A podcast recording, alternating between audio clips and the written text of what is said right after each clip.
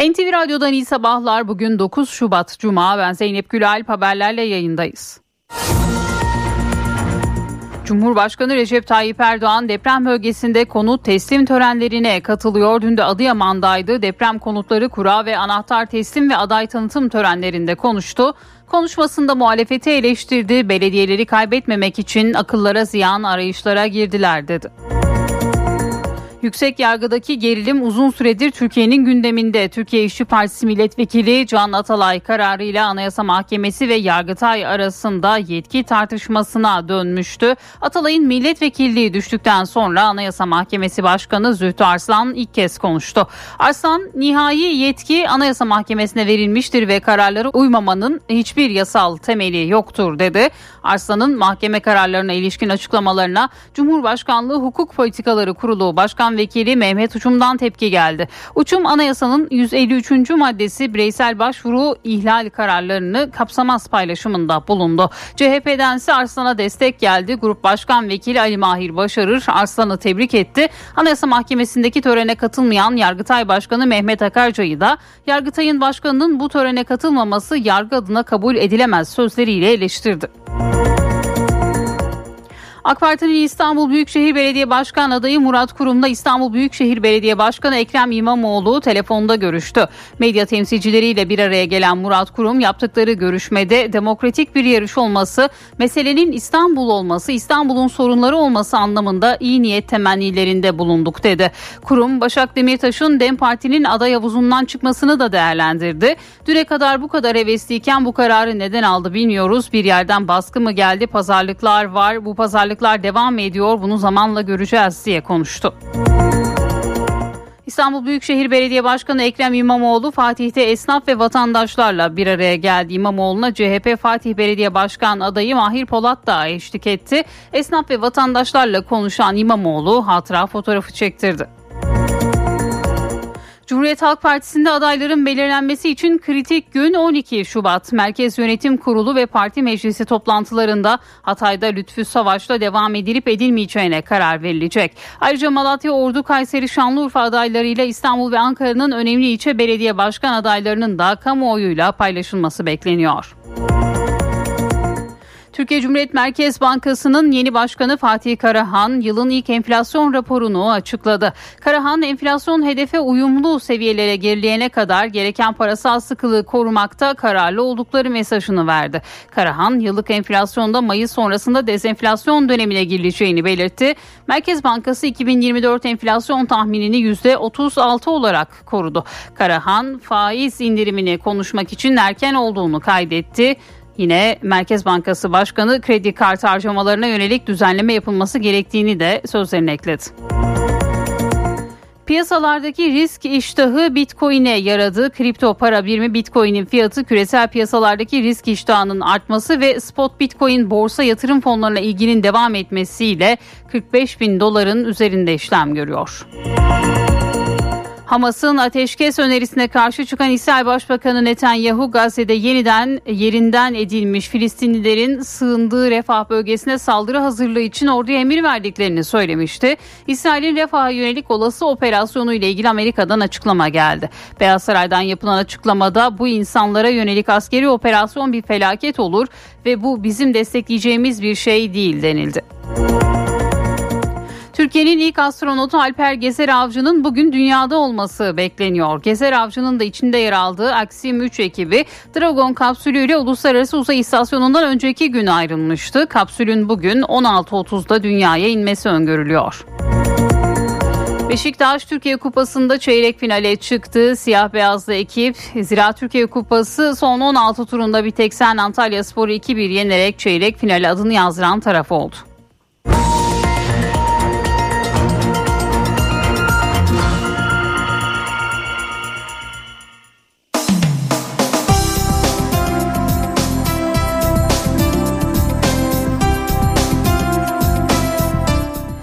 Sabahla başlıyoruz. Depremin izlerini birer birer siliyoruz manşetini atıyor Sabah gazetesi. Cumhurbaşkanı Erdoğan, şehirlerimizin ayağa kaldırılmasında yeni bir safhaya geçtik. Sadece konut ve iş yeri yapmakla kalmıyor.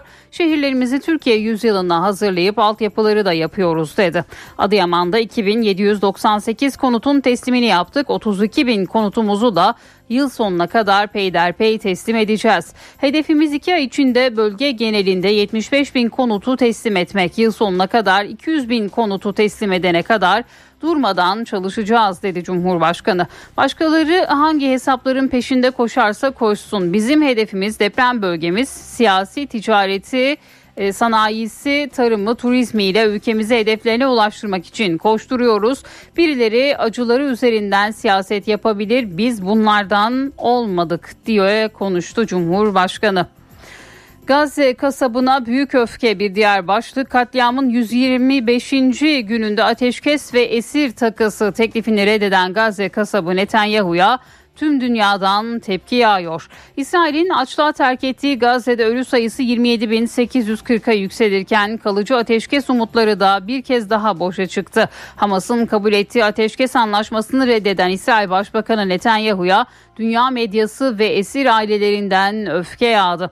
Enflasyonu düşürmekte kararlıyız bir diğer başlık. Merkez Bankası Başkanlığı'na atanan Fatih Karahan Yılın ilk enflasyon raporunu açıkladı. 2024 yılı enflasyon tahmininin %36, 2025'te ise %14 olduğunu belirten Karahan, enflasyon hedefinde bozulmaya izin vermeyeceğiz dedi. Hürriyet'in manşetinde hedefimiz 36 geri adım yok başlığı yer buluyor. Yeni Merkez Bankası Başkanı Fatih Karahan yardımcılarıyla birlikte ilk kez basının karşısına çıktı. %36'lık yıl sonu enflasyon tahmininin değişmediğini açıkladı. Bir diğer haber yine e, Hürriyet gazetesinden terör eylemleri senaryonun parçası başlığıyla. Cumhurbaşkanı Erdoğan terör örgütleri üzerinden ülkemize istikamet verme, toplumu huzursuz etme, siyaseti yönlendirme çabaları hiç bitmiyor dedi. Anayasa Mahkemesi kararına uymak zorunlu bir diğer başlık. Anayasa Mahkemesi Başkanı Zühtü Arslan isim vermeden Can Atalay kararı ile ilgili eleştirileri yanıtladı. Anayasayı kesin ve bağlayıcı olarak yorumlayarak yargısal nitelikteki kamu gücü işlemini denetleme yetkisi sadece Anayasa Mahkemesi'ne verilmiştir. Beğenmesek de bu kararlara uyulması anayasal zorunluluktur dedi Zühtü Arslan. Bir diğer başlık CHP'de kritik ilçeler haftası Yine Hürriyet gazetesinin ilk sayfasından sıkıntılı ilçelerden biri olan Çankaya'da Özgür Özel'in avukatı Hüseyin Can Güner'in adının öne çıktığı bildirildi. CHP, MYK ve parti meclisi toplantıları pazartesi gününe ertelendi deniliyor yine Hürriyet'te. Milliyetin manşeti dediler ve döndüler. 11 ili doğrudan etkileyen 6 Şubat depremlerinin ardından bölgeden e, yaşanan yoğun göç büyük ölçüde tersine döndü. Meclis Göç ve Uyum Alt Komisyonu Başkanı Atay Uslu'nun açıkladığı rakamlar deprem sonrası göç edenlerin bir yılda kentlerine geri döndüğünü ortaya koydu. 6 Şubat sonrası 3.7 milyon vatandaşın bölgeden göç ettiğini anımsatan Uslu, deprem öncesi 635 bin olan Adıyaman'ın nüfusunun deprem sonrası 430 bine düştüğünü, şimdi 604 bin olduğunu söyledi. Bay Kemal'i uyanıklar hançerledi. Bir diğer başlık yine Milliyet'ten Cumhurbaşkanı Erdoğan sınır ötesinde ve şehirlerde artış gösteren terör eylemleri provokasyonlar boşuna değildir. Hepsi de aynı senaryonun bir parçası olarak tedavüle konulmuş araçlardır dedi. Genel seçimlerin ardından dağılan Millet İttifakı'nı da değerlendiren Erdoğan Bay Kemal'e ilk hançeri vuranlar toplam oyları yüzde biri dahi bulmadığı halde sırtında mecliste taşıdığı uyanıklar olduğu ifadesini kullandı. Yine Cumhurbaşkanı'nın açıklamaları Gün Milliyet Gazetesi'nin ilk sayfasında yer aldı. Yeni Şafak'ın manşetinde ya ölüm ya sürgün başlığı yer buluyor. Kuzeydeki Filistinlileri güneyde toplamaya devam eden İsrail e, çoğu kadın ve çocuk yüz binlerce Gazze'linin son sığınağı Refah'a saldırmaya hazırlanıyor. Bir buçuk milyon Filistinli Sina çölüne sürmeyi planlayan terör devleti Refah'ta 12 tünel var yalanını kullanacak diyor Yeni Şafak gazetesi bugün.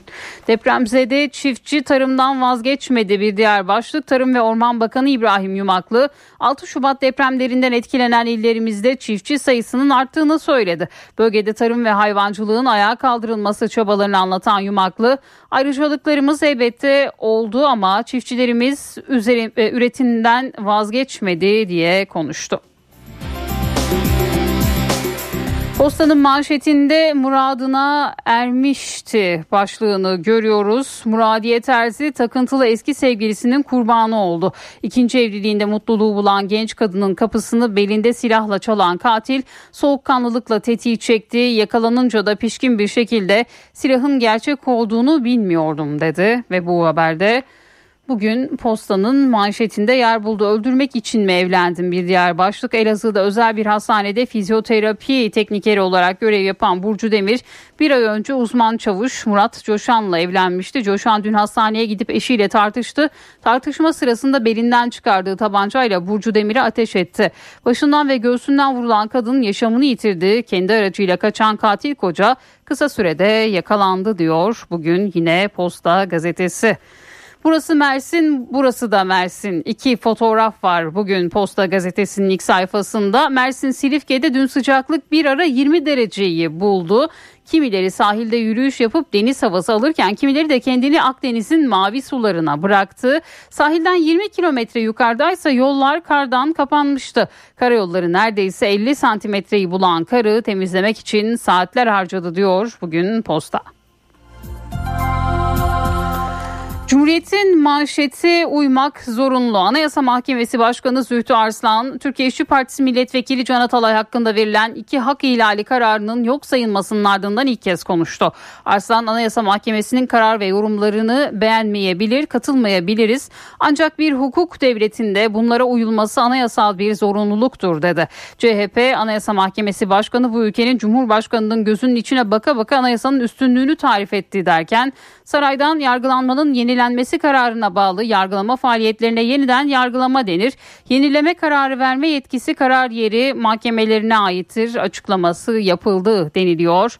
Cumhuriyet gazetesinin manşetinde müteahhit 80 canın hesabını versin bir diğer başlık yine Cumhuriyet'ten 6 Şubat depremlerinde Adıyaman Besni'de yıkılan Üzümkent apartmanında yaşamını yitiren 80 yurttaşın yakınları halen tutuklanmayan müteahhit Şii'yi protesto etti. Depremzedeler adalet istedi. 1.6 milyon emekçi 2023'te işten atıldı. Yine Cumhuriyet'in ilk sayfasında İşkur istatistiklerine göre Ocak 2024'te işverenlerin işçi isteği düştü. Geçen yıl en az 1.6 milyon emekçinin işine son verildi. Buna karşın ağır hak ediş şartları nedeniyle bu kişilerin sadece 734.846'sı ödenek alabildi. Ve yine bu haberde bugün Cumhuriyet gazetesinin ilk sayfasındaydı. Şimdi kısa bir araya gideceğiz sonrasında haberlerle devam edeceğiz.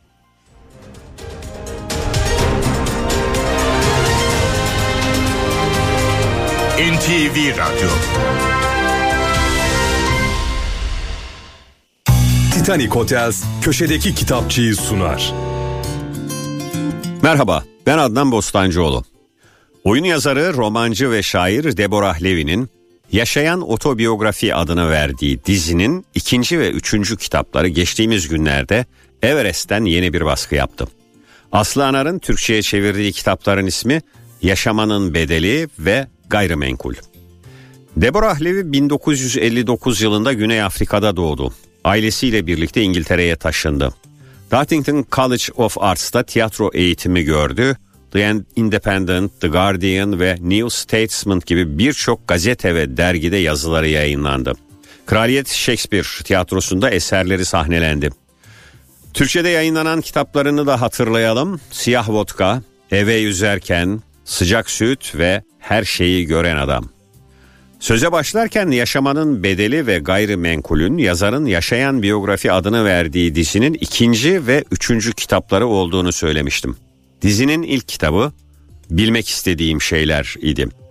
Levi bu kitapta İngiltere'ye göçtüğü gençlik yılları ve her şeyi bırakıp İspanya'ya kaçtığı, orta yaş krizini içtenlikle anlatırken aynı zamanda cinsiyet rolleri, annelik, göçmenlik gibi kavramlar üzerinde düşünüyordu. İkinci kitap yaşamanın bedelinde yazarın evliliği sona ermiş, annesi hayatını kaybetmiştir. Yaşamını sil baştan kuracak olan Levi'nin geçindirmesi gereken bir ev, ilgilenmesi gereken iki kız çocuğu ve sürdürdüğü yazarlık kariyeri vardır. Bir de elektrikli bisikleti. Deborah Levi toplumun bize atadığı rolleri bir kez daha eleştirirken gündelik hayata ve yaşadığı zorluklara kendine özgü mizah anlayışıyla yaklaşıyor. Üçüncü kitap gayrimenkule gelirsek Levi artık 60 yaşında ve tek başına üne kavuşmuş bir yazar. Ancak hayalindeki eve henüz sahip olabilmiş değil. Dünyanın neresinde olursa olsun New York, Mumbai, Paris, Berlin veya Londra'da hep o evi düşlüyor. Bir yandan da yazıda ve hayatta kadın olmanın zorluklarına karşı bir direniş yöntemi olarak kurmacanın gücüne işaret ediyor. Herkese iyi okumalar, hoşçakalın. Titanic Hotels köşedeki kitapçıyı sundu.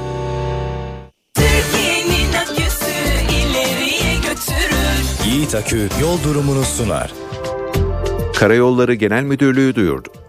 Taşköprü Hanönü Boyabat yolunun 43-49. kilometrelerinde ve Bingöl Karlıova yolunun 25-28. kilometrelerinde yol bakım çalışmaları yapıldığından ulaşım kontrollü olarak sağlanıyor. Sürücüler dikkatli seyretmeli.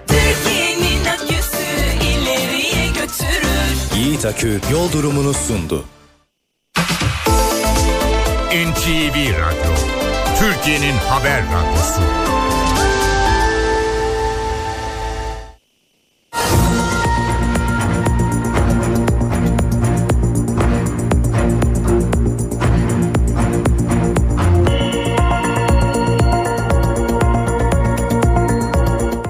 NTV Radyo'da haberleri aktarmayı sürdürüyoruz. Cumhurbaşkanı Recep Tayyip Erdoğan deprem bölgesinde konut teslim törenlerine katılıyor. Dün de Adıyaman'daydı. Deprem konutları kura ve anahtar teslim ve aday tanıtım törenlerinde konuştu. Konuşmasında muhalefeti eleştirdi. Belediyeleri kaybetmemek için akıllara ziyan arayışlara girdiler dedi.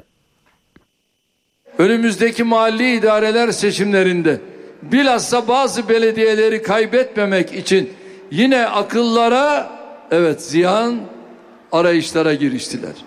Terör örgütleriyle ilişkileri tescilli partilerle demlenmek mi dersiniz? Daha önceki gün Çağlayan adliyemize saldıranların da aralarında olduğu teröristlere kol kanat germek mi dersiniz? Cumhurbaşkanı Recep Tayyip Erdoğan Adıyaman'daki konuşmasında bu sözlerle CHP'ye hedef aldı. Deprem konutları, kura ve anahtar teslim töreninde konuşan Cumhurbaşkanı muhalefete yönelik eleştirilerini sürdürdü. Milletimiz Mayıs seçimlerinin ardından altılı ittifakın düştüğü duruma bakıp ülke iyi ki bunların eline kalmadı diye hamd ediyor. Bütün günahı da Bay Kemal'in sırtına yükleyip kenara çekildiler. Bay Kemal'e ilk hançeri vuranlar ise toplam oyları yüzde biri dahi bulmadığı halde sırtında meclise taşıdığı uyanıklar oldu. Şehirde yapımı tamamlanan 2798 konut Cumhurbaşkanı Erdoğan'ın katılımıyla depremzedelere teslim edildi. Cumhurbaşkanı Erdoğan daha sonra Adıyaman aday tanıtım toplantısına katıldı. Deprem bölgesinde yaraların sarılacağını söyledi, ekonomiye yönelik de mesajlar verdi. Bizim gündemimizde vatandaşımızın canını yakan enflasyon ve hayat pahalılığıyla mücadele var. CHP gibi kapalı kapılar ardında bölücü örgütün uzantılarıyla demlenmek yerine Cumhur İttifakı olarak sözümüzü doğrudan milletimize söylüyoruz. CHP yönetiminin ülkenin ve milletin sorunlarına çözüm üretmek gibi bir derdi yoktur. Bunlar siyasi kariyer peşinde koşan kifayetsiz muhterislerdir. İşimize odaklanıyoruz. Depremzedelerimizin dertlerine nasıl en kısa sürede derman oluruz buna bakıyoruz. Cumhurbaşkanı Erdoğan daha sonra Kahta ve Sincik ilçelerinde de halka hitap etti. Yüksek yargıdaki gerilim uzun süredir Türkiye'nin gündeminde. Türkiye İşçi Partisi milletvekili Can Atalay kararıyla Anayasa Mahkemesi ve Yargıtay arasındaki yetki tartışmasına dönmüştü. Atalay'ın milletvekilliği düştükten sonra Anayasa Mahkemesi Başkanı Zühtü Arslan ilk kez konuştu. Arslan nihai yetki Anayasa Mahkemesi'ne verilmiştir ve kararlara uymamanın hiçbir yasal temeli yoktur dedi.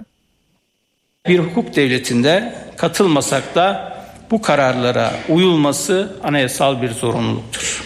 Nitekim anayasamızın 153. maddesine göre Anayasa Mahkemesi kararları kesin olup yasama, yürütme ve yargı organlarını, idare makamlarını, gerçek ve tüzel kişileri bağlar. Yüksek yargıda Can Atalay kararıyla başlayan tartışma sürüyor. Anayasa Mahkemesi Başkanı Zühtü Aslan yeni üye yemin töreninde konuştu. Bir kez daha kararlarımız herkesi bağlar vurgusu yaptı. Anayasa Mahkemesi'nin hak idari kararına iki kez uymayan Yargıtay'ın Başkanı Mehmet Akarca törede katılmadı. Temizden geçerek kesinleşmiş yargı kararlarından sonra Anayasa Mahkemesi'nin verdiği karar ve yaptığı yorumdan sonra görüş farklılıklarının, yorum farklılıklarının bulunduğu gerekçesiyle Anayasa Mahkemesi'nin kararlarına uyulmamasının hiçbir anayasal ve yasal zemini yoktur, temeli yoktur. Aslan, Cumhurbaşkanı Recep Tayyip Erdoğan'ın da katıldığı törende bireysel başvuru yargı tarihinin en büyük reformlarından biridir diye konuştu. Anayasa Mahkemesi'nin baktığı herhangi bir anayasal hak veya özgürlüğün ihlal edilip edilmediği hususudur. İhlal şayet yargı kararından kaynaklanıyorsa bu yargı kararının ortadan kaldırılmasıyla sağlanabilir. Konuşma sonrası Yılmaz Akçil and içerek Anayasa Mahkemesi üyesi olarak göreve başladı. CHP Genel Başkanı Özgür Özel törene katılmadı. Anayasa Mahkemesi Başkanı Zühtü Arslan'ın mahkeme kararlarına ilişkin açıklamalarına Cumhurbaşkanlığı Hukuk Politikaları Kurulu Başkan Vekili Mehmet Uçum'dan tepki geldi. Uçum anayasanın 153. maddesi bireysel başvuru ihlal kararlarını kapsamaz dedi. Uçum sosyal medya hesabından yaptığı açıklamada usul hukukumuzda yeniden yargılama bağımsız bir kurum değildir. Yargılamanın yenilenmesi iadesi kararına bağlı yargılama faaliyetine yeniden yargılama denilir ifadelerini kullandı. Yargılamanın yenilenmesi ödemesi iadesi kararı verme yetkisi karar yeri mahkemelerine aittir vurgusunu da yaptı. Zühtü Arslan'ın kararlarımız herkesi bağlar mesajına CHP'den de destek geldi. Grup Başkan Vekili Ali Mahir Başarır Arslan'ı tebrik etti. Anayasa Mahkemesi'ndeki törene katılmayan Yargıtay Başkanı Mehmet Akarca'ya da eleştiriler yöneltti. Anayasa Mahkemesi Başkanı'nı buradan kutluyorum. Yargı birbirine kafa tutulacak bir organ değildir. Bugün Anayasa Mahkemesi'nde bir tören var. Herkes orada. Devlet orada. Cumhurbaşkanı orada. Ama Yargıtay Başkanı Mehmet Akarcı orada değil. Niye değil? Çünkü Anayasa Mahkemesi'ni tanımıyor. Başkanını tanımıyor, kararını tanımıyor. Ben buradan Yargıtay'a, Yargıtay üyelerine sesleniyorum. Buna izin vermeyin. Buna izin verdirmeyin. Yargıtay'ın başkanının bu törene katılmaması yargı adına kabul edilemez. Cumhur İttifakı'nda belediye meclis üyelikleri için mesai sürüyor. AK Parti heyeti MHP ve Büyük Birlik Partisi heyetleriyle bir araya geldi. Genel Başkan Yardımcıları düzeyindeki ilk toplantı MHP ile yapıldı. Görüşmede belediye, meclis üyelikleri ele alındı. İki partinin belediye meclis üyeliği adaylığında 2019 seçimlerinde olduğu gibi fermuar sistemini uygulaması bekleniyor.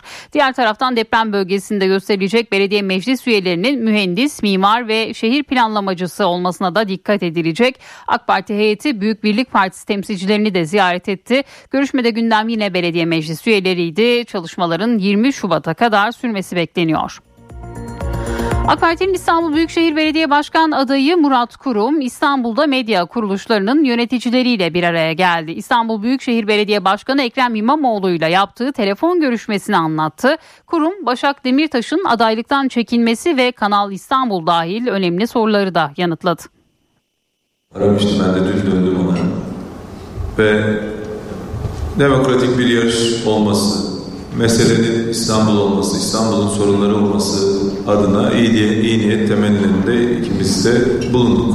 AK Parti'nin İstanbul adayı Murat Kurum, Ekrem İmamoğlu ile yaptığı görüşmeyi anlattı. İstanbul Büyükşehir Belediye Başkanı'na karşılıklı diyaloğun önemini vurguladığını söyledi. Demokratik, işin sonunda İstanbul kazanacağı bir yarış olması hepimizin arzusudur diye düşünüyorum.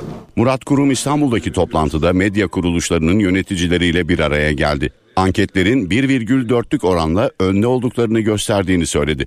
Başak Demirtaş'ın DEM Parti'nin aday havuzundan çıkmasını da değerlendirdi. Düne kadar çok hevesliyken bugün neden bu kararı aldı bunu bilmiyoruz açıkçası.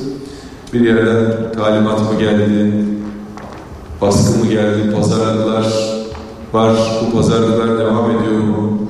Bunu zamanla göreceğiz. Siyasetin her şeyden evvel şeffaf, anlaşılabilir, dürüst ve demokratik süreçler dahilinde yürümesini istiyoruz. Kurum Kanal İstanbul'la ilgili gelen soruyu da yanıtladı. İstanbul'un gündeminde olmayan hiçbir konu bizim gündemimizde olmayacak. Ve bu manada İstanbulluların beklediği şu an ulaşım çilesinin bitirilmesi, deprem riskinin ortadan kaldırılması, Murat Kurum önceliğinin İstanbul'da depreme karşı önlemler olduğunu vurguladı. Öncelikle acil bir kısmı ki 600 bin konuttan bahsediyoruz. Büyük bir kısmını ilk 5 yılda 10 yılda da İstanbul'daki o riski bertaraf edecek adımları atacağız. İstanbul Büyükşehir Belediye Başkanı Ekrem İmamoğlu ise Fatih'te esnaf ve vatandaşlarla bir araya geldi. İmamoğlu'na CHP Fatih Belediye Başkan adayı Mahir Polat da eşlik etti. İmamoğlu ve Polat Laleli Kapalı Çarşı, Sultan Hamam, Mısır Çarşısı ve Kadınlar Pazarı'nda esnafla ve vatandaşlarla bir araya geldi. İmamoğlu hatıra fotoğrafı çektirdi. Siirtili Eroh İlçesi ve Çevre Köyleri Sosyal Yardımlaşma Dayanışma ve Kültür Derneği'ne de ziyaret yapan Ekrem İmamoğlu burada da vatandaşlara seslendi. MHP Genel Başkanı Devlet Bahçeli Azerbaycan Cumhurbaşkanı İlham Aliyev'le telefon görüşmesi gerçekleştirdi. Görüşmeye ilişkin açıklama MHP Genel Merkezi'nden yapıldı. Görüşmede Bahçeli Azerbaycan Cumhurbaşkanı İlham Aliyev'i seçimlerde yeniden Cumhurbaşkanı seçilmesi nedeniyle tebrik etti. Yeniden seçilmesi nedeniyle hayırlı olsun dileklerini iletti. NTV Radyo Yılın ilk enflasyon raporu açıklandı. Merkez Bankası'nın yeni başkanı Fatih Karahan ilk kez kameraların karşısına geçti. Enflasyonu düşürmekte kararlıyız dedi. Görünümde bozulma olursa ek faiz artışı yapabileceklerini de söyledi. Bankanın enflasyon tahminleri ise değişmedi. 2024, 2025, 2026 yıl sonu enflasyon tahminleri bir önceki rapordaki haliyle korunmuştur. 2024 yıl sonu tahmini %36, 2025 yıl sonu tahmini ise %14 olarak tahmin edilmektedir. Merkez Bankası'nın yeni başkanı Fatih Karahan ilk kez kameraların karşısına geçti. Yılın ilk enflasyon raporu sunumunu yaptı, ardından soruları yanıtladı. Enflasyonu kontrol altına almakta kararlı oldukları mesajını verdi. Bu yıl sonu için %36'da, gelecek yıl sonu için %14'te sabit kaldı. 2026 için %9 olarak belirlendi. Karahan, politika faizinin yeterli seviyede olduğunu vurguladı. Enflasyon görünümünde bozulma yaşanırsa ek artışı düşünebileceklerini bildirdi. Faiz indirimini konuşmak içinse henüz erken yorumunu yaptı. Enflasyon hedefimizle uyumlu seviyelere gerileyene kadar gereken parasal sıkılığı korumakta kararlıyız. Ek bir faiz artışı gerektiğini şu anda değerlendirmiyoruz. Fakat e, görünümün bozulması halinde e, tabii ki kararlarımızı gözden geçireceğiz. Fatih Karahan konut fiyatlarındaki artış hızının yavaşladığını söyledi. Bunun kiralara da yansıyacağını ifade etti. Perakende satış hacminde büyümenin durduğunu, iç talepte dengelenme yaşandığını belirtti. Ocak ayında da tahmin aralığının orta noktasına yakın seyir korunmuştur. Asgari ücret artışının öngörülerimizin üzerinde gerçekleşmesinin de etkisi hissedilmiştir. Mayıs sonrasında yıllık manşet enflasyonda hızlı bir düşüş göreceğimiz dezenflasyon dönemine gireceğiz. Fatih Karahan, TL mevduat faizleri ile ilgili de konuştu. Hafta başında yapılan zorunlu karşılık düzenlemesinin faizi yükselteceğini kaydetti. Öncü göstergeler buna işaret ediyor dedi. Karahan, kredi kartlarında düzenleme yapılması gerektiğini söyledi, çalışmaların devam ettiğini duyurdu. Kamuda çalışan 700 bine yakın işçinin mali ve sosyal haklarının belirlendiği kamu toplu iş sözleşmeleri çerçeve protokolü yenilendi. Ek protokolle işçilere ortalama %10 ila 13 ek zam yapılmış oldu. Bu da maaşlara ortalama ek 5 bin lira olarak yansıyacak. Türk İş Genel Başkanı Ergün Atalay protokolün yenilenmesi süreci ve sağlanan iyileştirmenin ayrıntılarını NTV'ye anlattı. Neyi telafi ettik? İşte bir hesaplayın burada. İşte 3 bin liradan en düşüğünden ama sözleşme dönemine göre ikramiyesini giydirdiğin zaman 4 bin, 5 bin civarında bir para oluyor. Kamuda çalışan 700 bine yakın işçinin mali ve sosyal haklarının belirlendiği kamu toplu iş sözleşmeleri çerçeve protokolü yenilendi. Peki ek protokol kamu işçisine ne kazandıracak? Türk İş Genel Başkanı Ergün Atalay NTV'ye anlattı. Kayıp ortalama 237 bin işçide 5 bin lira kayıp. Bu 5 bin lira ne yapıyor? Sözleşme dönemine göre 6 maaş var, 2 tane ikramiye var. Yani arada büyük bir rakam var. Atalay, kamu çerçeve protokolünde yapılan ek düzenlemenin hayata geçirilmesi için konfederasyona bağlı 15 sendikayı işaret etti. Sendikalar protokolü imzaladığında yürürlüğe girecek dedi. Atalay, kamu işçisine iyileştirme yapılması gerektiğini de söyledi. İşçinin beklentisi var, kamu işçisinin beklentisi var. Bunu bir an evvel çözsünler. Alım güçleri düştü. Bu sıkıntı emeklide de var. Bu sıkıntı özel sektörde de var. Bu sıkıntı taşeronda da var. Atalay, çalışma hayatına ilişkin iki önemli düzenleme ihtiyacını da dile getirdi. Taşeronun bir beklentisi var. Seçilme evvel söz verildi. Ne dendi? Dendi ki ya bu işçiler taşeronlarla ilgili bir düzenleme yapacağız. Bunları kim dillendirecek? Sendikacılar dillendirecek. Taşerona bir çare bulsunlar. Vergiyle ilgili bir düzenleme ihtiyacımız var.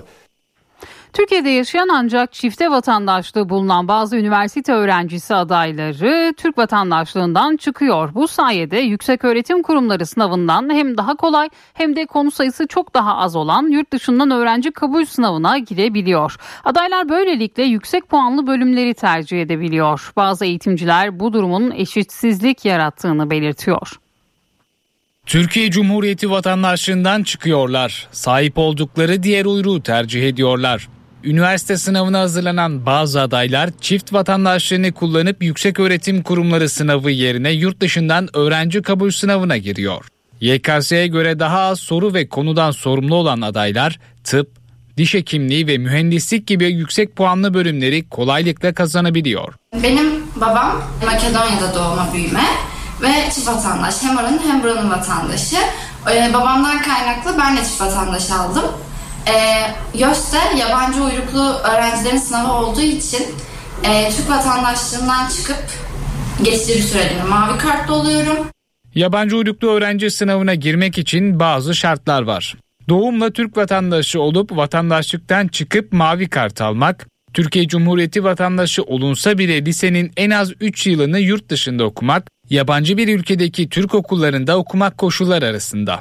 Çifte vatandaş olanların, mavi kartlı olanların, yabancı ülkelerden ülkemizde üniversite okuyacak olan öğrencilerin e, üniversitelerimize girişini zorlaştırabiliriz. Mesela İtalya'da üniversite okuyabilmek için SAT sınavından çok iyi bir not almak gerekiyor. Belki bu tarz dünya kabulü olan işte TOEFL'dan belli bir puan almak gibi daha dünya genelinde geçerli olan sınavlardan alınacak notlar eğer bizim ülkemizde de geçerli hale gelirse ya da benzeri zorlukta bir sınav ülkemizde geçerli hale gelirse bu aradaki dengesizliği kaldırabilir. Yabancı uyruklu öğrenci sınavında adaylar sadece 3 dersten sorumlu tutuluyor.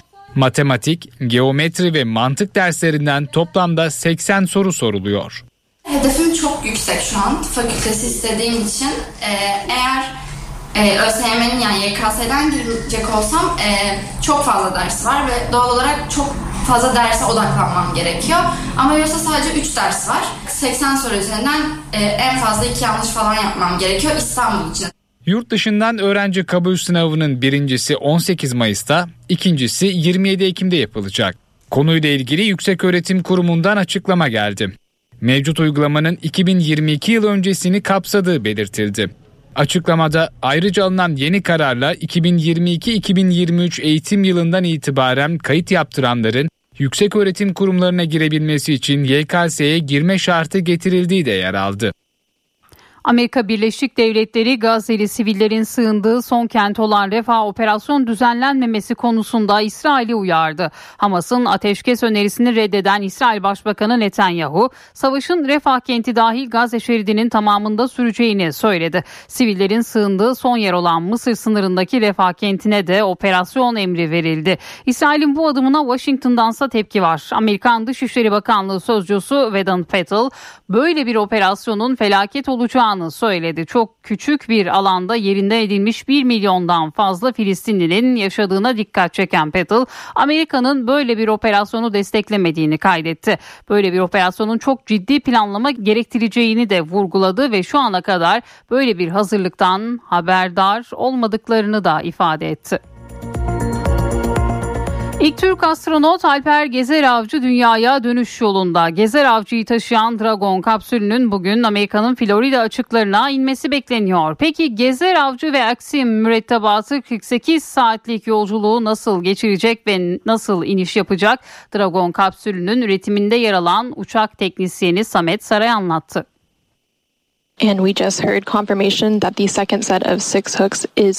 Türkiye'nin ilk astronotu Alper Gezer Avcı dünyaya dönüş yolunda. Gezer Avcı ve aksiyon mürettebatını taşıyan Dragon kapsülünün üretiminde çalışan Türk uçak teknisyeni Samet Saray, NTV'nin sorularını yanıtladı. Gezer Avcı'nın nasıl bir yolculuk yaptığını anlattı. hafif sarsıntılar oluyor. Bunlardan bir tanesi atmosfere giriş esnasında gerçekleşiyor. Bu ısı değişimiyle alakalı bir durum. Diğeri paraşütlerin açıldığı andaki bir sarsıntı hissedilebilir. Dragon dünya yörüngesine oturduktan sonra yörünge altı manevraları yapacak. Yük azalttıktan sonra iticileri devreye alınacak. 17 dakika frenleme yapılacak.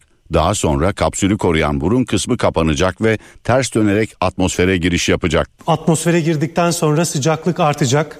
E, Binlerce derecelik bir sıcaklıktan bahsediyoruz. Dragon kapsülünün bu sıcaklığa dayanabilmesi gerekiyor. Nasıl bir teknoloji kullanıldı? Nasıl dayanacak? Atmosfere tekrar giriş yaptığında yaklaşık 1650 dereceye kadar sıcaklık artışı gerçekleşebiliyor. Bu çok ciddi bir ısı- ısı. Bu durumda e, Dragon Spacecraft'ın alt kısmında bulunan bir ısı kalkanı e, bunu emip tekrar uzaya yansıtabiliyor. Dragon kapsülü dönüş yolunda dünyadan kontrol ediliyor. Ancak acil bir durumda mürettebatın kontrol sağlaması mümkün. Astronotlarımız aslında çok fazla e, müdahale etmiyorlar. %100 otonom olarak bu kenetlenme, tekrar ayrılma ve dünyaya gelişi sağlanıyor. Acil durumlarda da manuel olarak e, müdahale edebilecekleri kontrol mekanizmaları da mevcut. Gezer Avcı uzayda planlanandan 3 gün fazla kaldı. 17 günlük süreç sonunda dünyaya adaptasyonu 1-2 hafta sürebilir. Genelde birkaç günle birkaç hafta arasında değişiyor bu adaptasyon. Psikolojik boyutu var, e, dolaşım sistemi var. Normal yaşam koşullarına alışması tahminime göre çok kısa sürecektir. Schengen vize ücretlerine zam geliyor. Vize ücretleri yetişkinler için 80 Euro'dan 90 Euro'ya, çocuklar içinse 40 Euro'dan 45 Euro'ya çıkacak. Avrupa Komisyonu 2 Şubat'ta Schengen vizesi ücret artışına ilişkin bir taslak sundu. Teklifin yasalaşması halinde fiyat artışı önümüzdeki birkaç ay içinde gerçekleşecek. Teklif onaylanırsa ücret yetişkinler için %12 artışla 80 Euro'dan 90 Euro'ya, çocuklar içinse 40 Euro'dan 45 Euro'ya yükselecek. Avrupa Birliği ayrıca üye ülkeler sınır dışı üye ülkelerden sınır dışı edilen kişilerin yeniden girişini kabul etme konusunda yetersiz işbirliği gösteren ülkeler için ücreti daha da artırmayı planlıyor. İstanbul Deniz Otobüsleri Yunanistan'ın Samos adasına 6 Nisan'dan itibaren sefer yapmaya başlayacak. Açıklama İDO'nun resmi sitesinde yayımlandı. Ege Denizi'ndeki Yunan adalarına kapıda vize uygulaması başlaması sebebiyle İstanbul Deniz Otobüsleri Seferihisar'dan Samos adasına sefer düzenleme kararı aldı. Karşılıklı gidiş geliş sefer ücretinin 35 euro, Kuşadası'ndan Samos, e, Samos seferinin ise 40 ve e, 41 euro olacağı belirtildi. Türk vatandaşları belirlenen 10 Yunan adasına kapıda vize alarak girebilecek seferler 6 Nisan'da başlayacak. Avustralya'da patronlar artık çalışanlarını mesai saatleri dışında arayamayacak, mesaj gönderemeyecek. Mecliste kabul edilen yeni yasa çalışanlara bu telefonları açmama, mesajlara bakmama hakkı tanıdı. Avustralya'da işçi hakları ile ilgili önemli bir yasa meclisten geçti. Buna göre çalışanlar iş saati dışında gelen mesajları ve aramaları reddedebilecek. Hükümet yasayla işçi haklarının korunacağını ve sağlıklı iş yaşamının sağlanacağını belirtti. İşçi Partili Başbakan Albanese, basitçe şunu söylüyoruz. Günün 24 saati için ödeme almayan biri 24 saat çevrim içi olmaması sebebiyle cezalandırılmamalıdır dedi. Yeşiller Partisi lideri de yasanın önemli bir kazanım olduğunu belirterek zamanınız sizindir, patronunuzun değil dedi. Avustralyalılar kararı destekliyor. Bence bu harika bir fikir. Hepimizin rahatlamaya ihtiyacı var. Geceleri maillerle ya da aramalarla rahatsız edilmek istemiyoruz. Makine değiliz, insanız. Sanayi ve Sosyal Çalışmalar Merkezi Politika Direktörü de yaptıkları araştırmaya değindi. Geçen sene bir araştırma yaptık ve çalışanların haftada yaklaşık 6 saat ödeme yapılmadan çalıştığını bulduk. Senede 280 saate denk geliyor. Çok büyük bir sorun. Çalışanlar bu durumun uykularını, iş motivasyonlarını ve aile yaşamlarını nasıl etkilediğinden bahsetti. Yasaya karşı çıkanlar önlemlerin aşırı olduğunu ve rekabeti kötü etkileyeceğini düşünüyor. İşçiler için benzer haklar Fransa, Almanya, İspanya ve diğer Avrupa ülkelerinde de var.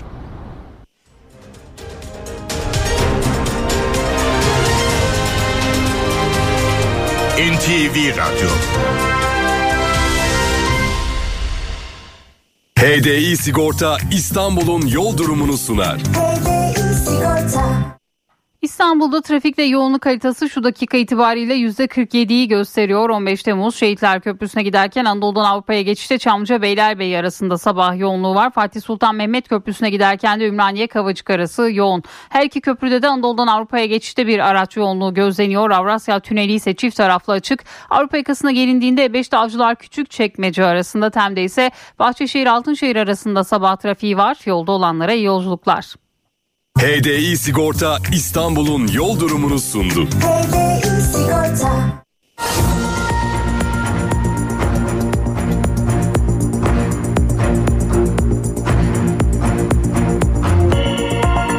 Saat 8 Türkiye ve Dünya gündeminde bu saate kadar hangi başlıkların öne çıktığına bir haber turuyla bakacağız.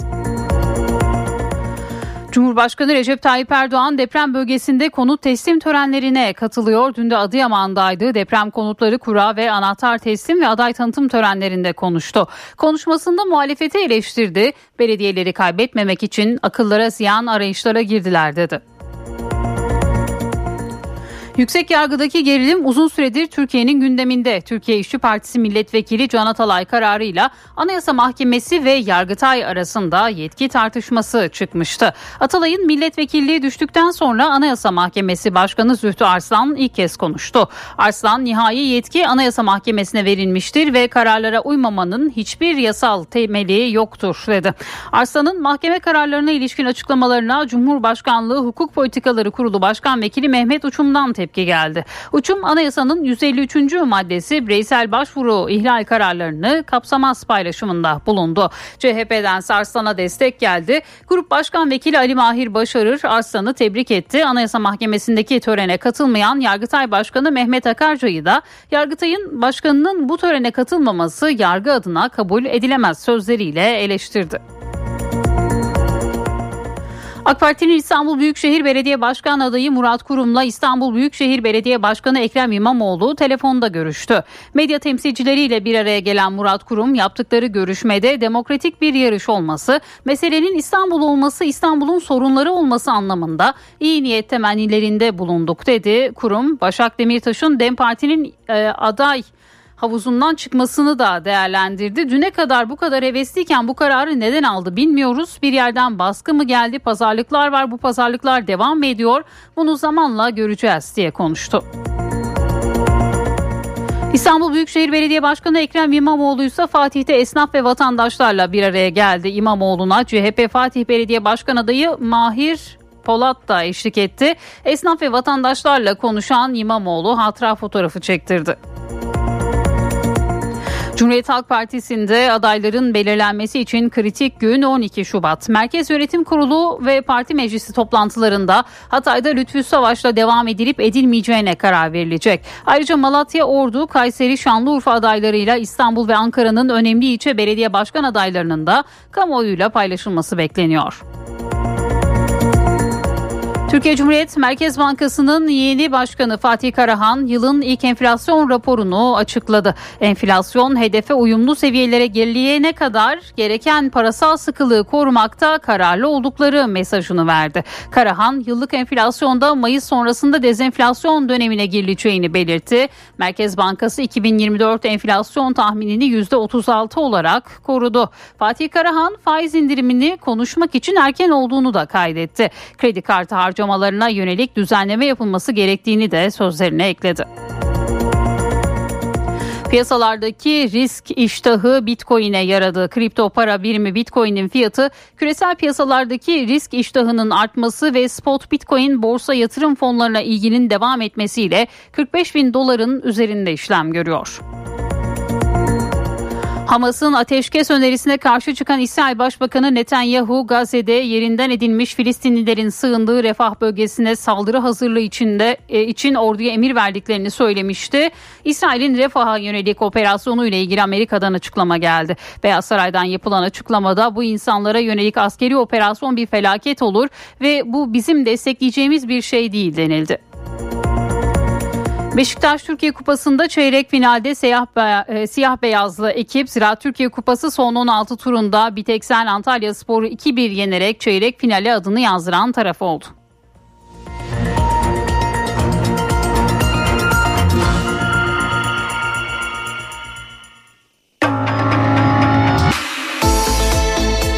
İşe giderken gazetelerin gündemi.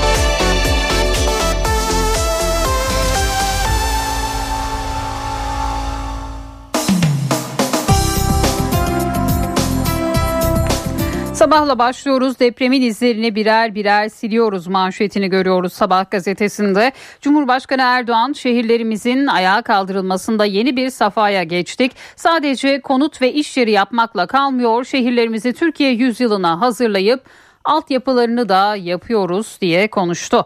Adıyaman'da 2798 konutun teslimini yaptık. 32 bin konutumuzu da yıl sonuna kadar peyderpey teslim edeceğiz. Hedefimiz 2 ay içinde bölge genelinde 75 bin konutu teslim etmek. Yıl sonuna kadar 200 bin konutu teslim edene kadar durmadan çalışacağız. Başkaları hangi hesapların peşinden koşarsa koşsun bizim hedefimiz deprem bölgemiz. Sanayisi, ticareti, tarımı, turizmiyle ülkemizi hedeflerine ulaştırmak için koşturuyoruz. Birileri birileri acılar üzerinden siyaset yapabilir biz bunlardan olmadık dedi Cumhurbaşkanı Erdoğan.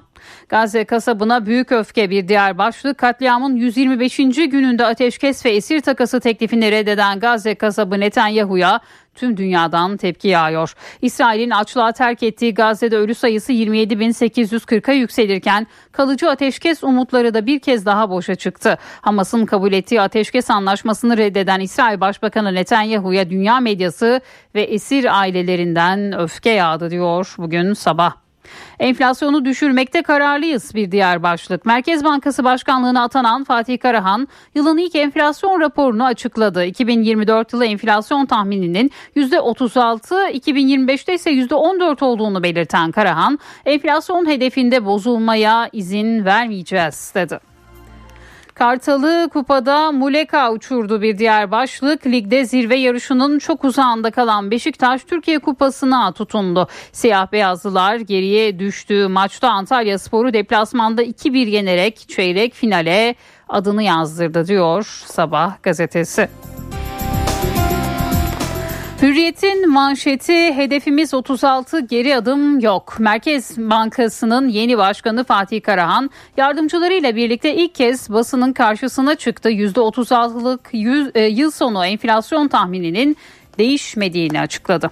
Enflasyon hedefimizde uyumlu seviyelere gerileyene kadar parasal sıkılığı korumakta kararlıyız.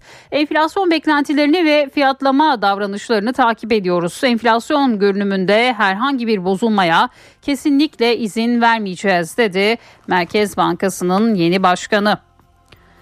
Terör eylemleri senaryonun bir parçası bir diğer haber. Cumhurbaşkanı Erdoğan terör örgütleri üzerinden ülkemize istikamet verme, toplumu huzursuz etme, siyaseti yönlendirme çabaları hiç bitmiyor dedi.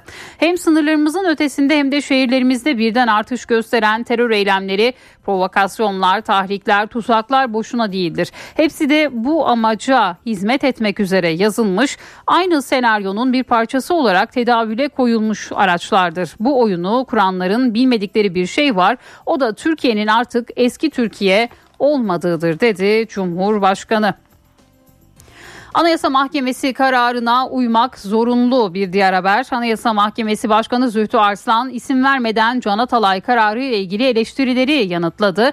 Anayasayı kesin ve bağlayıcı olarak yorumlayarak yargısal nitelikteki kamu gücü işlemini denetleme yetkisi sadece Anayasa Mahkemesi'ne verilmiştir. Beğenmesek de bu kararlara uyulması anayasal zorunluluktur dedi. CHP'de kritik ilçeler haftası bir diğer başlık. CHP, MYK ve parti meclisi toplantıları pazartesine ertelendi. Seçim beyannamesinin açıklanması 18 Şubat'a kaydırıldı. Parti yönetimi ertelemeler için hafta sonu bazı ilçelerde yapılacak ön seçimleri gerekçe gösterdi. Kulislerde ise Hatay, Çankaya, Kadıköy, Bakırköy, Sarıyer, Adalar ve Esenyurt'la ilgili aday tartışmalarına işaret ediliyor deniliyor Hürriyet'te bugün. Bir diğer başlık İstanbul'da 9 şehir gizli. TÜİK'e göre İstanbul'da 15 milyon 57 bin kişi yaşıyor. Bu nüfusun sadece 2 milyon 153 bininin kütüğü İstanbul'da. İstanbul'da yaşamalarına rağmen kütüğü başka illerde olan 12 milyon 904 bin kişi var.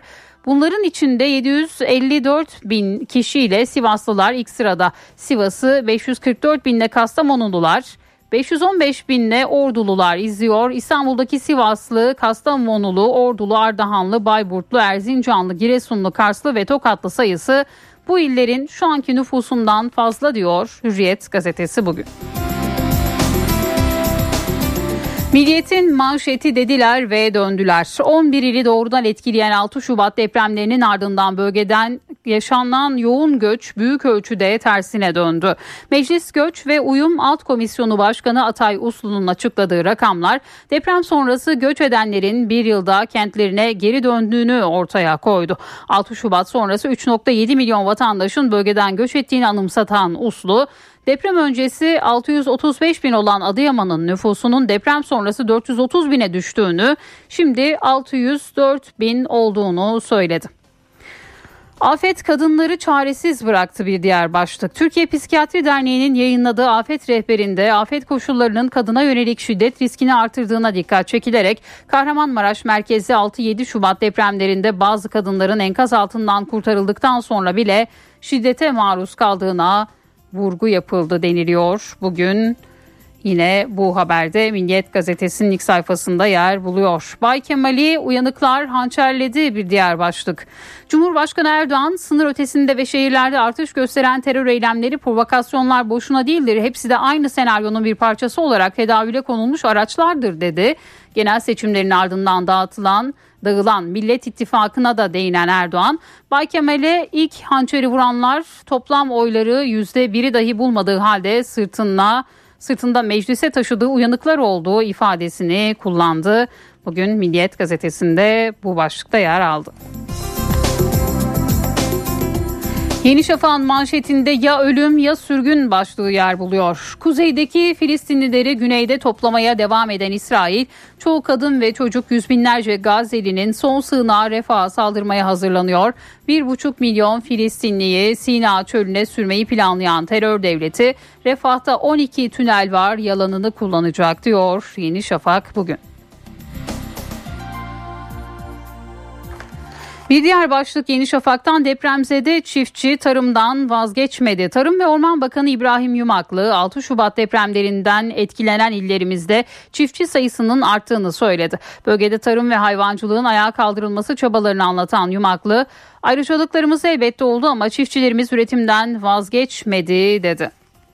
Sigarayı bıraktıran poliklinik bir diğer başlık Türkiye'deki 467 sigarayı bırakma polikliniği her yıl yüzlerce vatandaşı bu bağımlılıktan kurtarıyor. Önce bağımlılık seviyesi ölçülüyor ardından kişiye göre tedavi yöntemleri belirtiliyor deniliyor yine Yeni Şafak'ın ilk sayfasında bugün. Postanın manşetinde muradına ermişti başlığını görüyoruz. Muradiye Terzi takıntılı eski sevgilisinin kurbanı oldu. İkinci evliliğinde mutluluğu bulan genç kadının kapısını belinde silahla çalan katil soğukkanlılıkla tetiği çekti. Yakalanınca da pişkin bir şekilde silahın gerçek olduğunu bilmiyordum dedi. Öldürmek için mi evlendin bir diğer başlık. Elazığ'da özel bir hastanede fizyoterapi teknikeri olarak görev yapan Burcu Demir bir ay önce uzman çavuş Murat Coşan'la evlenmişti. Coşan dün hastaneye gidip eşiyle tartıştı. Tartışma sırasında belinden çıkardığı tabancayla Burcu Demir'e ateş etti. Başından ve göğsünden vurulan kadının yaşamını yitirdi. Kendi aracıyla kaçan katil koca kısa sürede yakalandı deniliyor bugün postada. Burası Mersin, burası da Mersin. İki ayrı fotoğraf yer alıyor bugün Posta gazetesinde bu başlıkla. Mersin Silifke'de dün sıcaklık bir ara 20 dereceyi buldu. Kimileri sahilde yürüyüş yapıp deniz havası alırken Kimileri de kendini Akdeniz'in mavi sularına bıraktı. Sahilden 20 kilometre yukarıdaysa yollar kardan kapanmıştı. Karayolları neredeyse 50 santimetreyi bulan karı temizlemek için saatler harcadı diyor ve kar küreme aracıyla sahilden bir vatandaşın fotoğrafı bugün Posta Gazetesi'nin ilk sayfasında yer buluyor. Cumhuriyet'in manşetinde uymak zorunlu başlığı yer buluyor. Anayasa Mahkemesi Başkanı Zühtü Arslan, Türkiye İşçi Partisi Milletvekili Can Atalay hakkında verilen iki hak ihlali kararının yok sayılmasının ardından ilk kez konuştu. Arslan, Anayasa Mahkemesi'nin karar ve yorumlarını beğenmeyebilir, katılmayabiliriz ancak bir hukuk devletinde bunlara uyulması anayasal bir zorunluluktur dedi. Cumhuriyet'in manşetinde yer alıyor bu haber. Müteahhit 80 canın hesabını versin. Bir diğer başlık 6 Şubat depremlerinde Adıyaman Besni'de yıkılan Üzümkent apartmanında yaşamını yitiren 80 yurttaşın yakınları halen tutuklanmayan müteahhit Şii'yi protesto etti. Depremzedeler adalet istedi diyor Cumhuriyet gazetesi bugün. NTV Radyo Evdeki Hesap Profesör Murat Ferman hafta içi her gün ekonomideki güncel gelişmeleri NTV Radyo dinleyicileri için yorumluyor. Günaydın Sayın Ferman mikrofon sizde. Zeynep Gül Hanım günaydın, iyi bir gün, iyi yayınlar diliyorum. Gündemin, e, ekonomik gündemin bir numaralı maddesi hiç şüphesiz dün e, gerçekleştirilen ekonomik enflasyon görünüm raporu e, bu senede dört defa yapılıyor. Genelde çeyreklik dönemler bazında ele alınıyor. E, dünkü sunum tabii e, özellikle guvernörün ilk sunumu olduğu için de yeni guvernörün ilk kamuoyuna çıkış karşısına çıkışı olduğu için de önemliydi. E, arka ve ön kapak sayfalarıyla 85 sayfalık bir enflasyon raporu senenin ilk enflasyon görünüm raporu elimizde. Gene e, standart format içerisinde oldukça zengin içeriğe sahip bir raporla karşı karşıyayız. E, bu rapor çerçevesinde daha önce başlatılan e, format devam ettiriliyor. E, hem ekonomik görünüm ve orta vadeli öngörüler bölümleri olmakla beraber kutular ve e, mercek altı başlığı e, çerçevesinde e, birçok konuya bir parça daha derinlikli ve arka plan e, bazında yaklaşımların gerçekleştirdiğini görüyoruz. Mesela dezenflasyon patikasına yakından bir bakış bu kutuların başlıklarından bir tanesi. Mercek altına da bir örnek verelim. Tütün ürünlerinde vergi reformlarının ima ettikleri. E, meraklı e, dostlar bunları e, Türkiye Cumhuriyet Merkez Bankası sayfasından takip edebilirler. Tabii e, başkanın sunumundan sonra elbette soru cevap kısmı da geldi. Bu ikisini bir arada değerlendirmek lazım. Değerlendirdiğimizde genel olarak tespitlerimiz şu noktada. Bir kere her şeyden önce e, özellikle yeni yıl e, ve yeni başkan çerçevesinde e, acaba e, enflasyon e, sene sonu hedeflerinde bir revizyon olacak mı beklentisiydi veya sorusuydu. Burada herhangi bir değişiklik yok. 2024 sene sonu itibariyle 36'lık hedef var. 2025'te 14, 2026'da da 9 ve daha sonra da beşlik hedefler 2026'dan sonra ortaya koyuluyor. Ama burada tabii tahmin aralıkları o kadar yüksek ki 36 deniliyor ama 30 ila 42 arasında. 2025'te ise 14 deniliyor ama 7 ila 21 arasında. Ve açık ve net olarak söyleyelim e, Ocak ayı enflasyon ve diğer e, hesaplamalar çerçevesinde sene sonu itibariyle 36'lık hedefe ulaşılması matematik olarak zor görülüyor. Bizim kendi çalıştırdığımız modellerde de bu neredeyse imkansız. E, zaten e, show stealer denilen bir kavram var biliyorsunuz. Show'u hani çalan, ortaya çıkan Cevdet Hoca son dakikada devreye girip show stealer rolünü oynadı. O da söyledi. Hatta dedik ki yani bu imkansıza e, yakın olabilir ama hani e, bunu değiştirmekte Merkez Bankacılığı açısından oksimoron bir ifade karşı, e, karşımıza getirir. Oksimoronu bir tarafa koyalım. 2-3 dakika sonra onunla ilgili birkaç e, tespitte bulunacağım. Ama netice itibariyle bir kere bu hedeflerin aynı kaldığını görüyoruz. E, parasal aktarım mekanizmasının e, çalışıp çalışmadığı konusu gene son dakika e, tespitleriyle zaten ortaya koyuldu. Hoca dedi ki ağırlıklı ortalama fonlama maliyeti mevduat faizi bağı kopmuş, politika faizi enflasyon e, bağı kopmuş. kur faiz ve kur ve faiz bağı kopmuş. Bunları e, 6,5-7 aydır tesis etmeye çalışıyoruz. Zaten yani netice itibariyle modelleme ve modelin de şu anda çalışmadığı veya çalışamadığı anlaşılıyor. Tekrar yani hatlar kopmuş, kopuk hatlarda sesim geliyor mu vaziyetindeyiz. Hani şöyle mi konuşayım, böyle mi konuşayım, ortodoks, heterodoks vesaire bunlar şu anda e, çalışan bir model için e, geçerli unsurlar. Onu yeniden tesis etmeye çalışılıyor. Hizmetler bakımında, e, hizmetler sektöründeki enflasyonundaki katılık bakımından Merkez Bankası'nı çok iyimser buluyoruz. Miktarsal sıkılaştırma ve hiç haz etmediğimiz bir kavram, sterilizasyon kavramında da alınacak çok mesafe var. Her ne kadar yeni guvernör 1 trilyon liralık bir sterilizasyondan bahsediyorsa da şunu hatırlatmakta fayda var.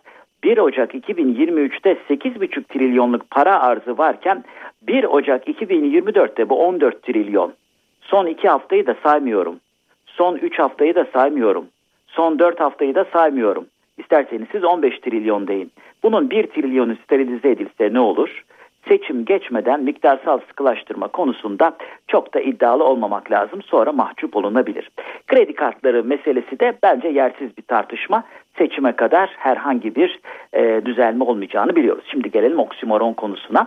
Hani merkez bankalarının iddiasız olması oksimoron bir durum denildi. Oksimoron kavramını e, ilk defa ben e, ordinaris profesör doktor Sulhi Dönmezer'le bir e, iletişim e, esnasında e, karşılaşmıştım. Bilinen bir kavram ama böyle kullanıldığı zaman gerçekten enteresan bir açılım e, e söz konusu edebilir veya gündeme getirebilir. E, 1990'ların başıydı genç bir doçent olarak ilk defa e, iş etiği konusunu İstanbul Üniversitesi'nde ders programına yerleştirmeye e, çalışıyoruz, monte etmeye çalışıyoruz. E, Sulhi Hoca bizi adeta böyle o karar merciinde veya rapor hazırlayacağı için e, böyle bir sorguya çekti ve dedi ki doçent doçent dedi. E, işle iş yapmayla ahlak veya etik bunlar oksimorondur. Bir arada olmaz.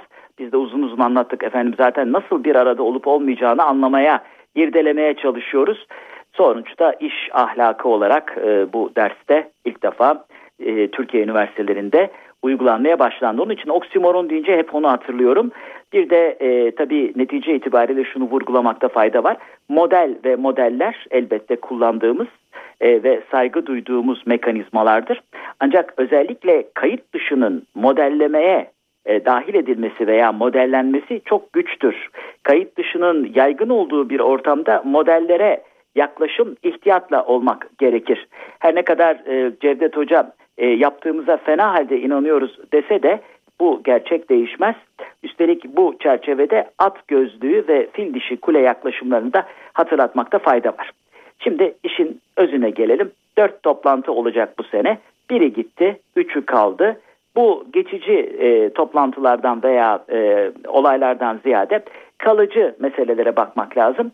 Hoca dedi ki fena halde inanıyoruz. Ben de kalıcı edebiyat aklıma geldi. Hafta sonuna da giriyoruz.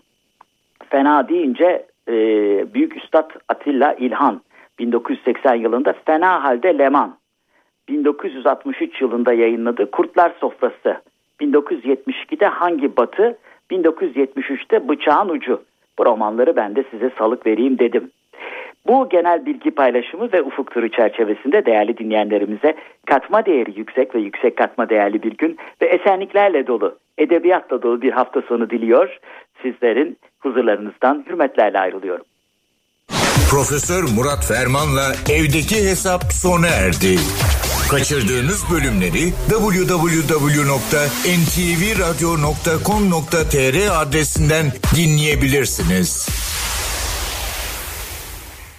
Dünya markası Bras çatı sistemleri finans bültenini sunar.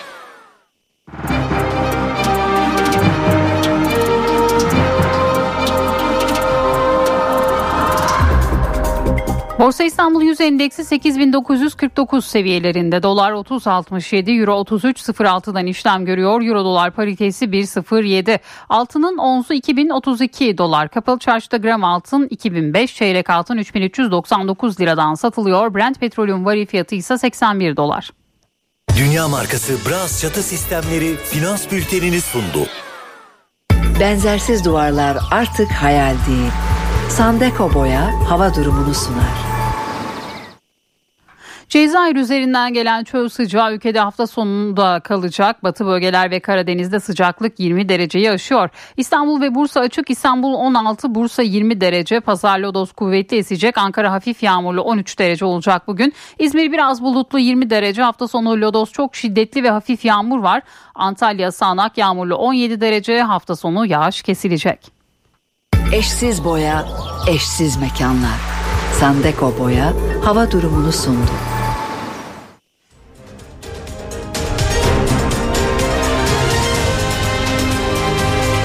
NTV Radyo Türkiye'nin aküsü ileriye götürür. Yiğit Akü yol durumunu sunar. Karayolları Genel Müdürlüğü duyurdu. Sivas, Kangal, Alacahan, Hekimhan yolunun 15-17. kilometrelerinde ve Ankara Kırıkkale yolunun 25-27. kilometrelerinde yol bakım çalışmaları yapıldığından ulaşım kontrollü olarak sağlanıyor. Sürücüler dikkatli seyretmeli. Yiğit Akü yol durumunu sundu. Doğa takvimi. Bugün 9 Şubat 2024 Cuma. NTV Radyo iyi günler diler. Bitkiler çoğunlukla topraktaki minerallerle, güneş ışığı ve suyla beslenir. Ya etobur bitkiler? Hayvanları avlayarak beslenen bitkiler var. Mesela sinek kapan. Amerika'nın tropikal bölgelerinde yetişen bu bitkinin yaprakları açılıp kapanabilen bir kapan gibi. Yaprakların üstündeki tüyler bir sinek değdiği anda saniyenin onda biri kadar kısa bir sürede kapanır ve sineği içine hapseder. Sonra da salgıladığı enzimlerle sineğin yumuşak dokularını parçalar. Yapraklar bir süre sonra yeniden açıldığında sindirim tamamlanmış, besin özümsenmiştir. Geriye kalan artıklarda bir esintide uçar gider. Ve sinek kapan bir sonraki avını beklemeye başlar. Doğa takvimi.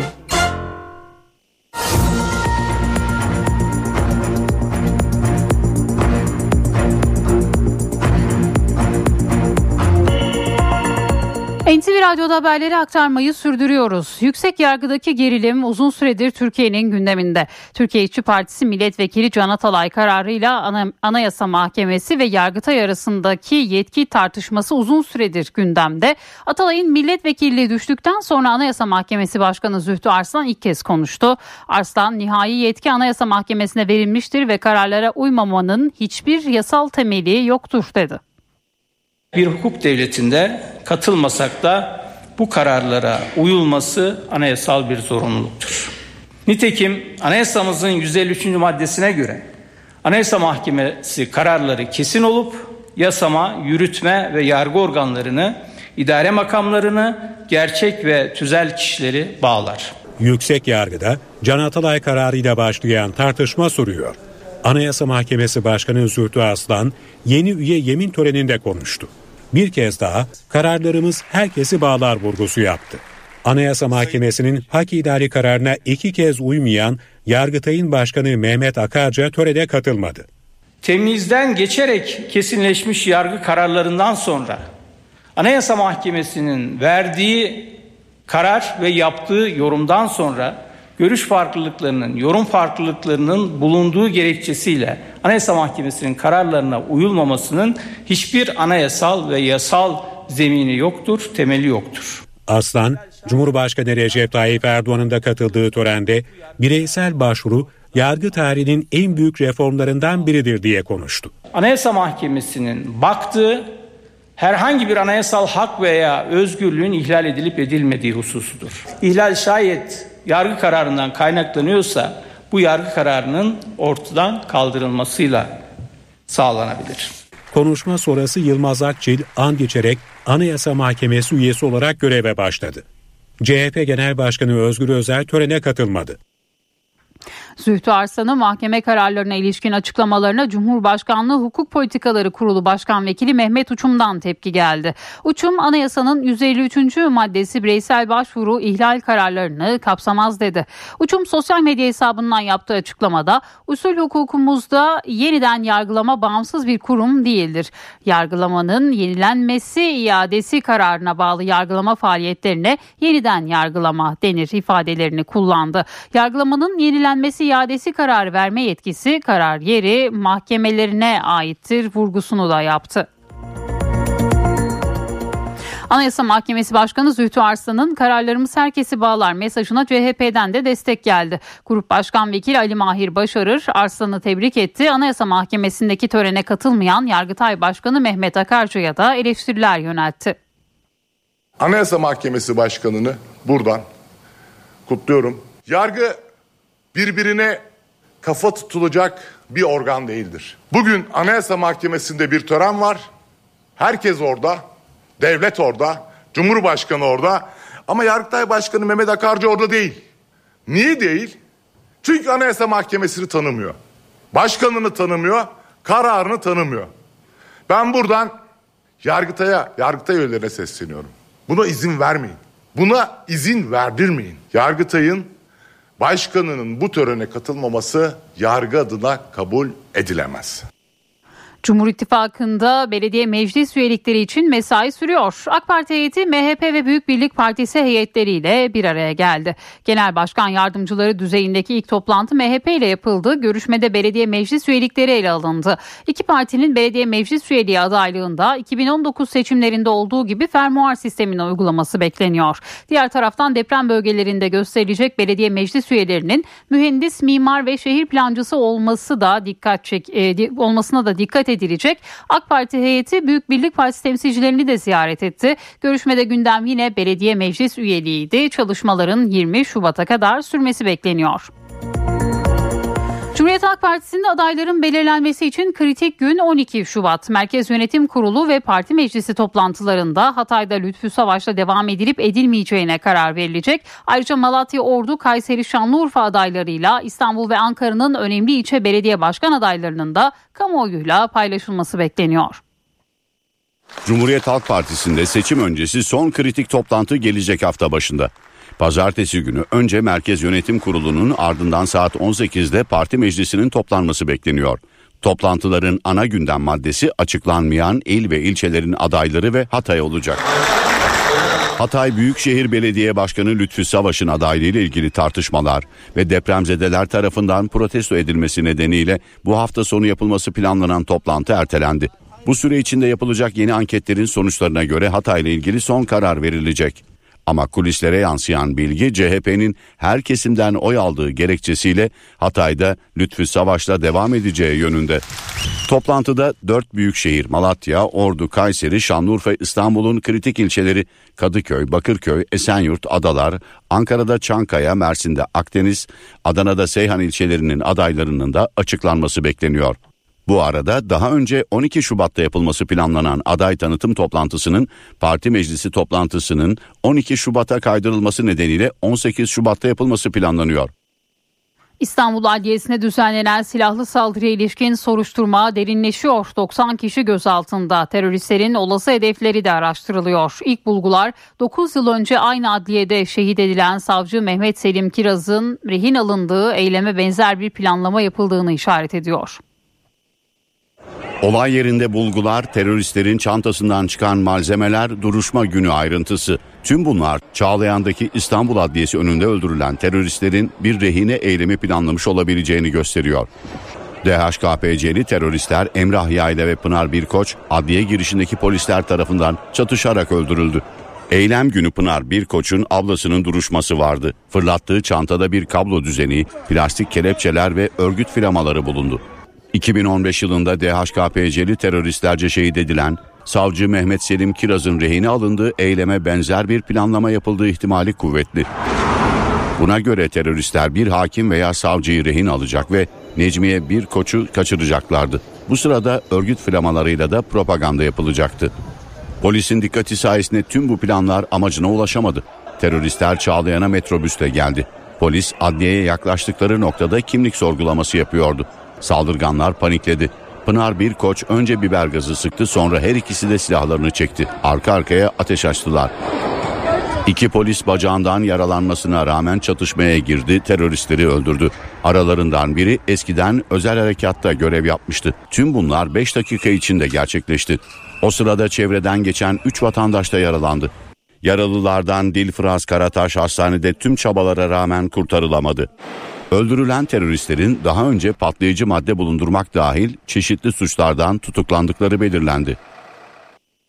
Bartın'da 43 işçinin hayatını kaybettiği maden faciası ile ilgili davada yeni bir gelişme var. Eski Türkiye Taş Kömürü Kurumu Genel Müdürü ve yardımcısı hakkında soruşturma izni verildi.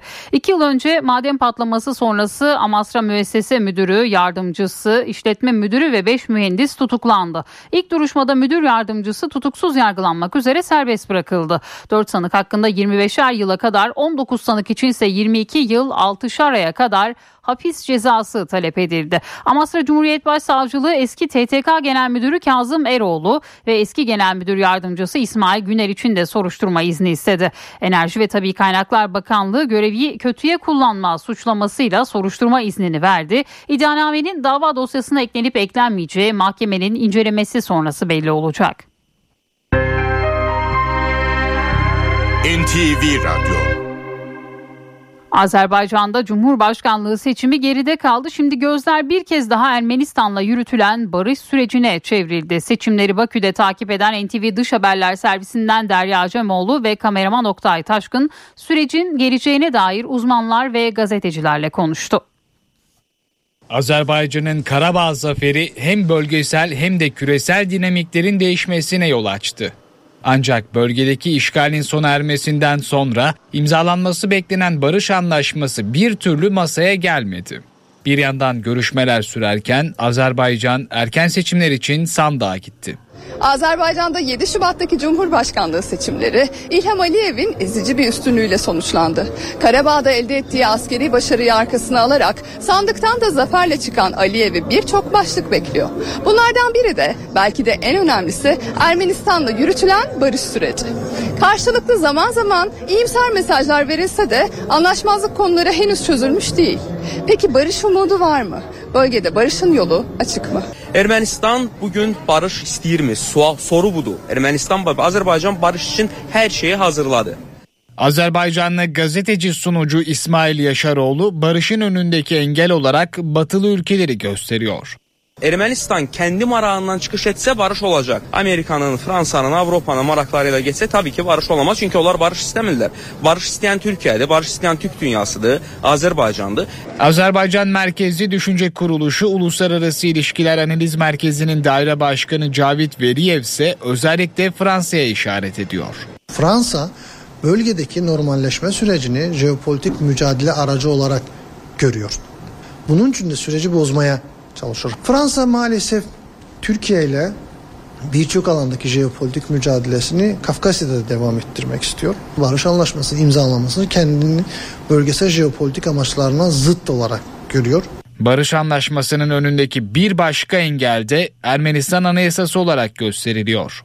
Ve en önemli engellerden biri Ermenistan Anayasasıdır. Çünkü Ermenistan Anayasası'na göre, bağımsızlığı bildirgesine göre hala Karabağ ve Türkiye'nin Doğu Anadolu'su Ermenistan toprağı olarak tanıtılıyor. Umut var. Diğer yıllarla müqayisədə umut var. Ancaq ə, barışın olması üçün Ermənistanın anayasası dəyişməlidir. Yəni anayasa dəyişmədikdə, köklü dəyişiklik olmadığı təqdirdə, onların simvolləri belə dəyişmədiyi təqdirdə heç bir barış olamaz. Çünki yarın Paşinyan gedəcək, digər birisi gələcək, söyləyəcək ki, biz bu barışı qəbul etmiyoruz.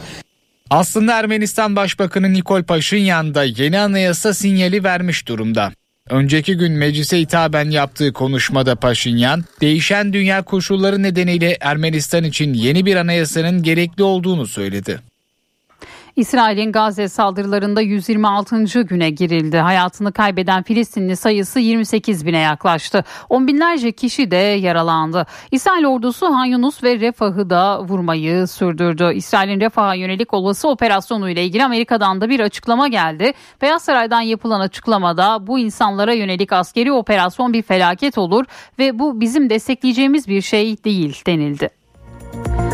Ukrayna lideri Zelenski Rusya'ya karşı savaşı iki yıldır yöneten Demir General lakaplı Genelkurmay Başkanı Valeri Zaluzhny'yi görevden aldı. Yerine Kara Kuvvetleri Komutanı Alexander Sırski atandı. Zelenski savaşta yeni stratejilere ihtiyaç var dedi. Bugün Dünya Sigarayı Bırakma Günü. Sigara kanserin en önemli risk faktörlerinden biri. Türkiye ise sigara kullanımında dünyada ilk sırada yer alıyor. Son yıllarda yaygınlaşan elektronik sigaralar da buna dahil. Birçok hastanede yer alan sigara bırakma poliklinikleri ise tiryakilere hem danışmanlık hem de tedavi olanağı sağlıyor. Türkiye dünyada en çok sigara kullanılan ülkelerden biri. OECD ortalaması %16,5 iken Türkiye'de her 100 kişiden 28'i sigara içiyor. Dünya Sağlık Örgütü'nün raporuna göre sigara her yıl 8 milyondan fazla kişinin ölümüne sebep oluyor. Bu sayının 1 milyon 300 bini pasif içici olarak sigara dumanına maruz kalanlar. Üstelik bağımlılık yaşı da giderek düşüyor. Ülkemizde de maalesef 20 milyondan fazla vatandaşımızın tütün kullandığını biliyoruz. Ee, bu kullanımın 15 yaş ve üstünde olduğunu da belirtmek istiyorum. Gençlerimizde de bu oranların arttığını görmekteyiz. Sigarayı bırakmak isteyenler ise elektronik sigaraya yöneliyor. Uzmanlara göre elektronik sigara ağır solunum yetmezliği ve akciğer hasarlarına yol açıyor. Bu tehlike nedeniyle 2023 yılı Temmuz ayında elektronik sigara 34 ülkede yasaklandı. Elektronik sigaralar tütün e, endüstrisinin özellikle gençleri hedef almaya yönelik geliştirdikleri yeni tütün ürünleridir. Bunlar bir tedavi ajanı kesinlikle değildir. Normal klasik tütün ürünleriyle benzer etkileri, benzer riskleri taşımaktadır. Bağımlı hale gelmek kolay ancak bırakmak zor. Bu nedenle tiryakilerin birçoğu desteğe ihtiyaç duyuyor. Hastanelerdeki sigara bırakma poliklinikleri bağımlılara farklı alternatiflerle hizmet veriyor. Burada yetkili hekimlerin yaptığı değerlendirmeler sonucunda kişilerin bağımlılık düzeylerine göre tedaviler verilmekte. Bu tedaviler dünyadaki en etkin tedaviler. Yani bilişsel davranışsal terapilerle birlikte ilaç tedavisi. Biz de bunları hastalarımıza uyguluyoruz ve e, etkili sonuçlar aldığımızı düşünüyoruz. 25 yaşındaki tıp fakültesi öğrencisi Mustafa Onur Demir de tedaviyle sigaradan kurtulanlardan. İlk 2-3 hafta zor gerçekten zor sabretmeniz gerekiyor. Ama o 3-4 dakika dayandıktan sonra bir daha gelmiyor o istek. Arkadaş çevrenizde sigara çok tüketiliyorsa e, ya birlikte bırakmak ki biz 3 arkadaş birlikte bıraktık. Benim gerçekten en büyük pişmanlığım sigaraya başlamış olmak. Sigarayı bırakmak için Alo 171 sigara bırakma danışma hattından da destek almak mümkün.